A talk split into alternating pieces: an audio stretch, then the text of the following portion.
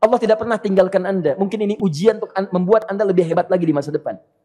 Kalau Anda tidak tahan bantingan yang sekarang, bagaimana Anda bisa mengatasi pelintiran yang akan datang?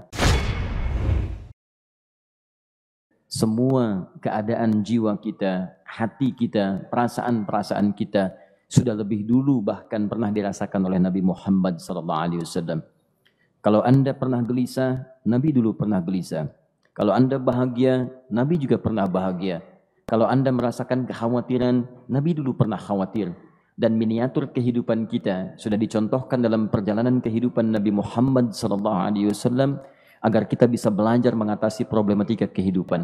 Allahu Akbar kalau beliau tidak diutus oleh Allah, kita tidak tahu bagaimana cara menyelesaikan pemetaan kehidupan kita hingga dengan saat ini. Bahkan satu ketika pernah beliau kemudian dalam masa yang telah panjang berdakwah, kadar Allah kemudian ada wahyu yang jeda datangnya tidak seperti biasanya. Biasanya datangnya cepat, berganti hari turun wahyu, ganti pekan turun wahyu.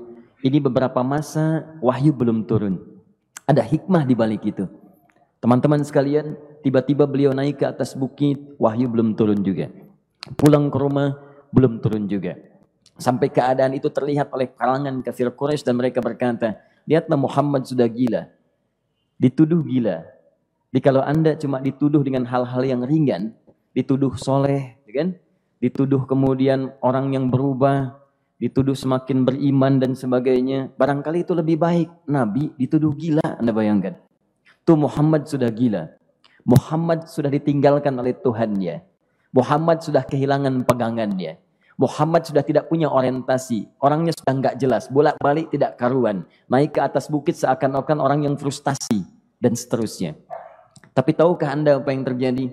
Setelah berbagai cacian, makian, tuduhan macam-macam diterima oleh Nabi sallallahu alaihi wasallam, lantas tibalah masanya Allah menurunkan satu sorah bahkan disandingkan dengan sorah yang lainnya bersandinglah dua sorah ini secara bersamaan turun. Surah ke-93 dan surah ke-94-nya. Terkait berkelindan memberikan satu harapan yang sangat panjang. Kata Allah wadduha wal laili idza saja. ما ودعك ربك وما قلى. وللآخرة خير لك من الأولى ولسوف يعطيك ربك فترضى. ألم يجدك يتيما فآوى ووجدك ضالا فهدى ووجدك عائلا فأغنى. فأما اليتيم فلا تقهر وأما السائل فلا تنهر وأما بنعمة ربك فحدث. يا محمد Saya bersumpah dengan waktu duha. Kalau kita baca dengan ilmu balaghahnya, itu bukan sekedar sumpah mengilustrasikan waktu duha. Karena di ilmu balaghah itu nanti ada tiga turunan ilmu. Ada disebut ilmu ma'ani, ilmu mencari kata-kata sehingga ungkapannya sesuai untuk disampaikan. Mana kata-kata yang tepat untuk disampaikan dalam konteks yang ingin dibicarakan. Itu ma'ani namanya. Kemudian setelahnya ada ilmu bayan, bagaimana mengemas kosakata yang bagus ini sehingga bisa disampaikan dengan jelas, orang tidak bingung menerimanya, paham maksudnya. Kemudian setelah itu kadang-kadang jelas kalimatnya, tapi kedengarannya tidak indah.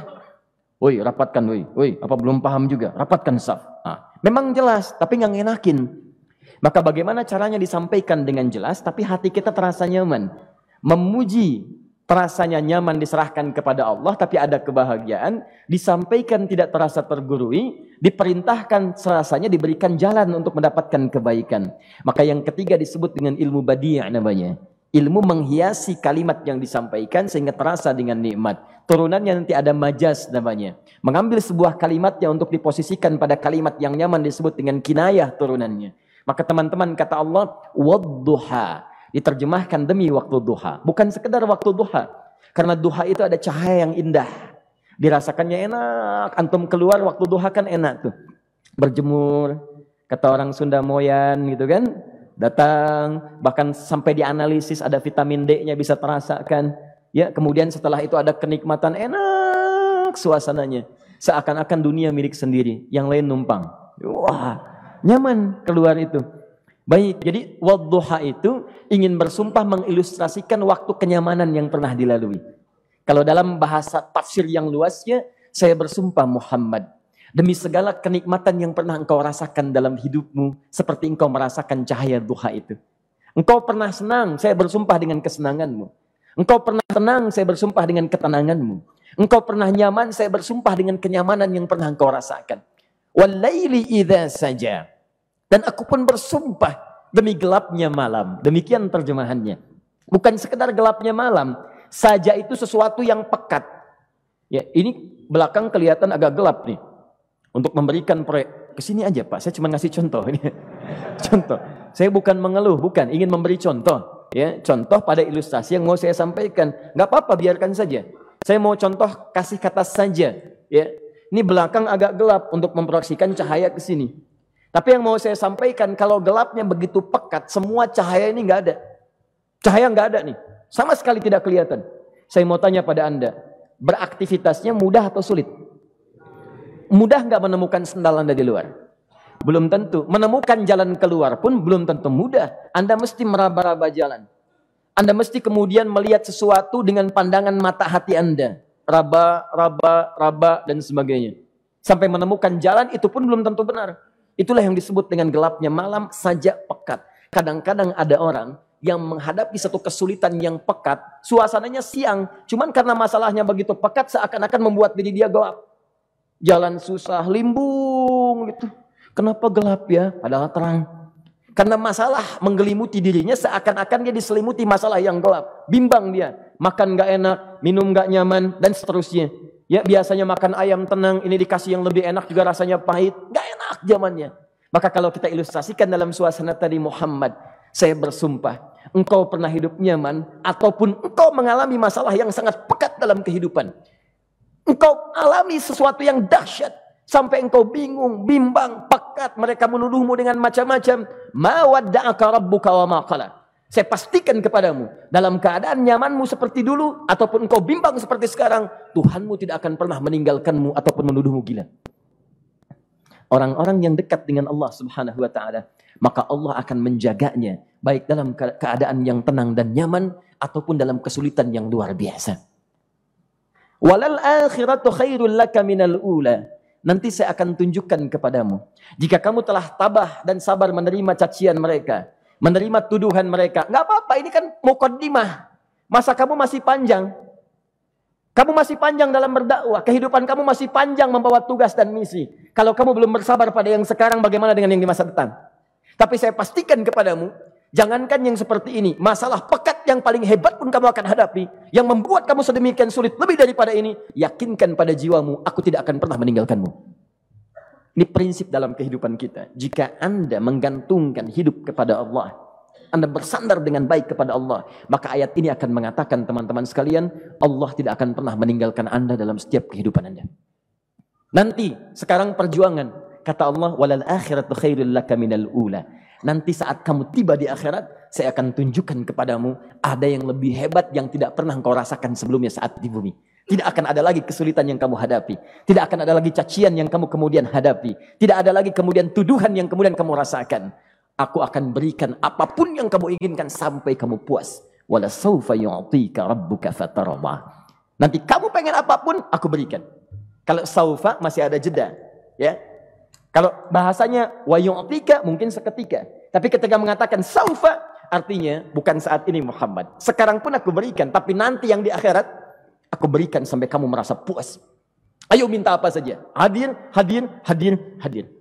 Tapi yang paling indah, kalau kamu tidak percaya, alam yajid kayatinan sa'awa.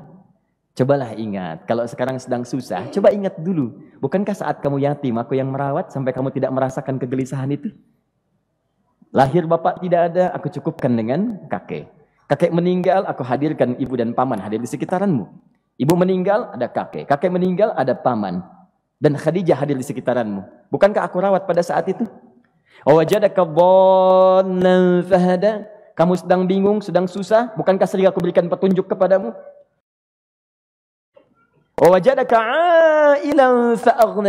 Kamu merasakan kesulitan lahir dalam keadaan yatim, tidak ada pendukung, maka aku jadikan kaya. Bukankah saat kamu menikah dengan Khadijah, aku tambahkan lagi pendukung untuk misi dakwahmu? Ini pesan dalam Al-Quran. Kalau anda sedang merasa susah, kalau ingin menenangkan diri, ingat-ingat yang baik-baik yang dulu. Kalau anda sedang jatuh dalam bisnis, ingat-ingat saat anda meningkat dalam bisnis anda. Allah tidak pernah tinggalkan anda. Mungkin ini ujian untuk membuat anda lebih hebat lagi di masa depan. Kalau Anda tidak tahan bantingan yang sekarang, bagaimana Anda bisa mengatasi pelintiran yang akan datang? Karena dalam kehidupan bukan cuma dibanting. Anda mungkin mengalami penyingkiran, penyungkuran, lipatan, guntingan, bantingan, macam-macam. Jadi kalau satu gaya belum bisa Anda atasi, bagaimana Anda bisa berharap mendapatkan turunan yang lainnya? Selalu ingat bahwa jika hidup Anda ingin tampil gaya, Anda harus merasakan tekanan dalam kehidupan. Karena F selalu berbanding lurus dengan P, hukum paskalnya. Gaya berbanding lurus dengan tekanan. Orang yang ingin tampil gaya dalam kehidupan, maka dia mesti siap menghadapi tantangan-tantangan hidup yang diatasi. Turun ayat. Sampai ujungnya. Jadi kalau kamu sudah begini lagi, jangan pernah kamu bentak orang lain. Jangan pernah merendahkan orang lain. Karena Allah pun menjaga setiap hamba sepanjang ia mendekat kepadamu. Setelah itulah turun kemudian surah Al-Insyirah. Alam nashrah lakas sadra. Antum kenal Nabi Musa? Hmm. Baik. Tapi agak lumayan lah. Tadi saya di Soreang kenal Fir'aun. Di sini Musa. Baik, Alhamdulillah. Perhatikan ya, dahsyatnya pemberian Allah kepada Nabi Muhammad SAW. Nabi Musa alaihi salam dan sering kali kita bacakan untuk memohon kepada Allah. Rabbi syrahli. Perhatikan baik-baik. Ini keunggulan Nabi Muhammad SAW dibanding Nabi Musa alaihissalam. Dua-duanya Nabi, Rasul, tapi masing-masing punya keistimewaan. Musa, Nabi, berdakwah, memohon kepada Allah kelapangan hati. Rabbi syahli sadri. Ya Allah, tolong lapangkan hatiku nih. Kenapa mesti lapang? Karena pasti Musa merasakan nih. Saya tahu betul karakter Fir'aun. Belum apa-apa sudah memaki. Kalau orang yang hatinya tidak lapang, tidak akan tahan dengan makian, keluarlah kemudian balasan yang tidak digambarkan sebelumnya. Firaun itu kasar. Kasarnya bukan sekedar kasar, bahkan saking kasarnya bisa berujung pada eksekusi kematian. Saya contohkan tadi di sore yang ini saya nggak suka dengan rambutnya nih, kata Firaun. Bukan nyuruh nyukur mas, tolong pisahkan kepala dari badannya. Gitu gayanya tuh, Firaun. Ya. Bukan nggak ngenakin, susah dengan Firaun itu. Jadi kalau belum apa-apa datang Musa ke situ, hatinya tidak seluas samudra, hatinya tidak lapang, cuman seluas gelas, tidak akan sabar menerima cacian Firaun. Begitu datang dicaci, dasar anak gak tahu diri, gak tahu malu, sudah saya rawat begini, begini, begini. Ya Allah saya bosan dengarnya, matiin aja sekarang. Musa Nabi berdoa dikabulkan. Cuman kalau Fir'aun kemudian ajalnya misal wafat pada saat itu tidak akan jadi contoh kepada kita untuk kekinian.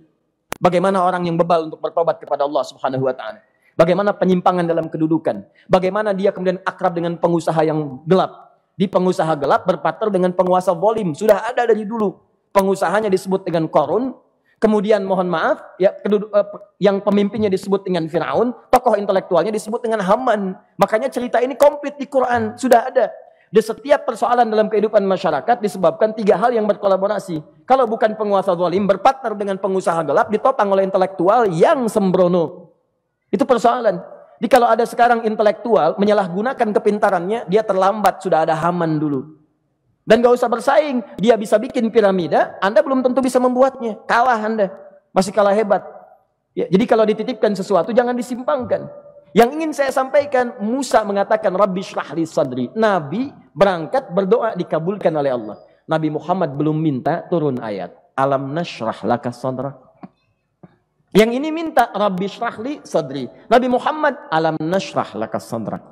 Muhammad mulai dari peristiwa sehingga engkau akan lebih sabar lagi menerima tantangan-tantangan dakwah.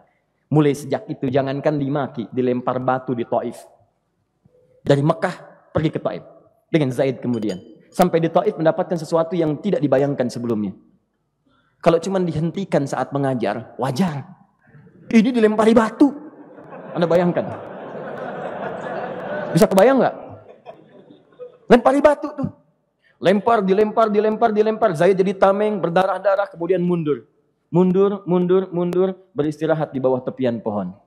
Begitu beristirahat, datang malaikat penjaga dua gunung. Turun malaikat dengan kesal mengatakan, Ya Rasulullah, mud yadaika ilas sama. Ya Rasulullah, angkat tanganmu ke langit. Minta kepada Allah, aku angkat dua bukit di Taif, aku himpit keduanya mereka. Aku himpit penduduk Taif dengan dua bukit itu. Apa jawab Nabi?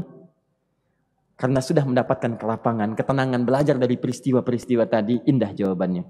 Lah, katanya. Tolong jangan lakukan. Innahum qawmun la ya'lamun. Mereka belum paham saja. Mereka belum mengerti. Tolong jangan lakukan. Aku bermohon kepada Allah. Boleh jadi nanti di masa depan akan hamba ada hamba-hamba terbaik yang lahir dari bumi Taif ini. Kemudian beliau berkata, Rabbi, inaman takilluni Qaribin yu'limuni am ila ba'idin yu'dhini fa ana radin ma lam taghdab ilayya. Ya Allah, ke mana lagi engkau akan utus aku untuk berdakwah setelah peristiwa ini? Apakah tempatnya lebih dekat aku jangkau sekarang tapi di situ aku akan disakiti lagi? Ataukah jaraknya masih jauh, tapi di tempat itu aku, aku akan dizalimi lagi. Aku ridha ya Allah dengan itu semua. Asalkan engkau tidak marah kepadaku. Asalkan engkau tidak marah kepadaku. La haula wa la quwata illa billahil aliyil azim. Begitu kelapangan itu muncul, ridha dengan ketetapan dan siap, tabah, kuat, hadir dalam jiwanya. Tiba-tiba turun undangan, tunaikan Isra dan Mi'raj diangkat statusnya, naik mendekat kepada Allah Subhanahu wa taala. Dihilangkan bebannya, wa wada'na anka wizrak alladhi anqadha dhahrak. Itu hikmah, teman-teman. Barangkali kalau antum saat ini datang ke masjid ini untuk kajian, sedang bawa beban, ada kesulitan, penuh dengan macam-macam, barangkali dibacakan surat Ad-Duha tadi untuk memberikan harapan kepada Anda. Ini bukan PHP, karena ini bukan masalah urusan manusia. Ini adalah janji yang tidak akan pernah diingkari. Inna Allah la yukhliful mi'ad. Kata Allah, Anda punya masalah, ingat suasana tenang pada masa lalu. Bukankah saya memberikan ketenangan kepadamu? Mendekat kepada saya, Anda bersabar, yakinkan bahwa ujian yang saya berikan saat ini sesungguhnya untuk membuat kamu lebih hebat di masa depan. Karena orang hebat tidak akan pernah sepi dari ujian untuk membuat dia lebih kuat menghadapi tantangan dalam kehidupan.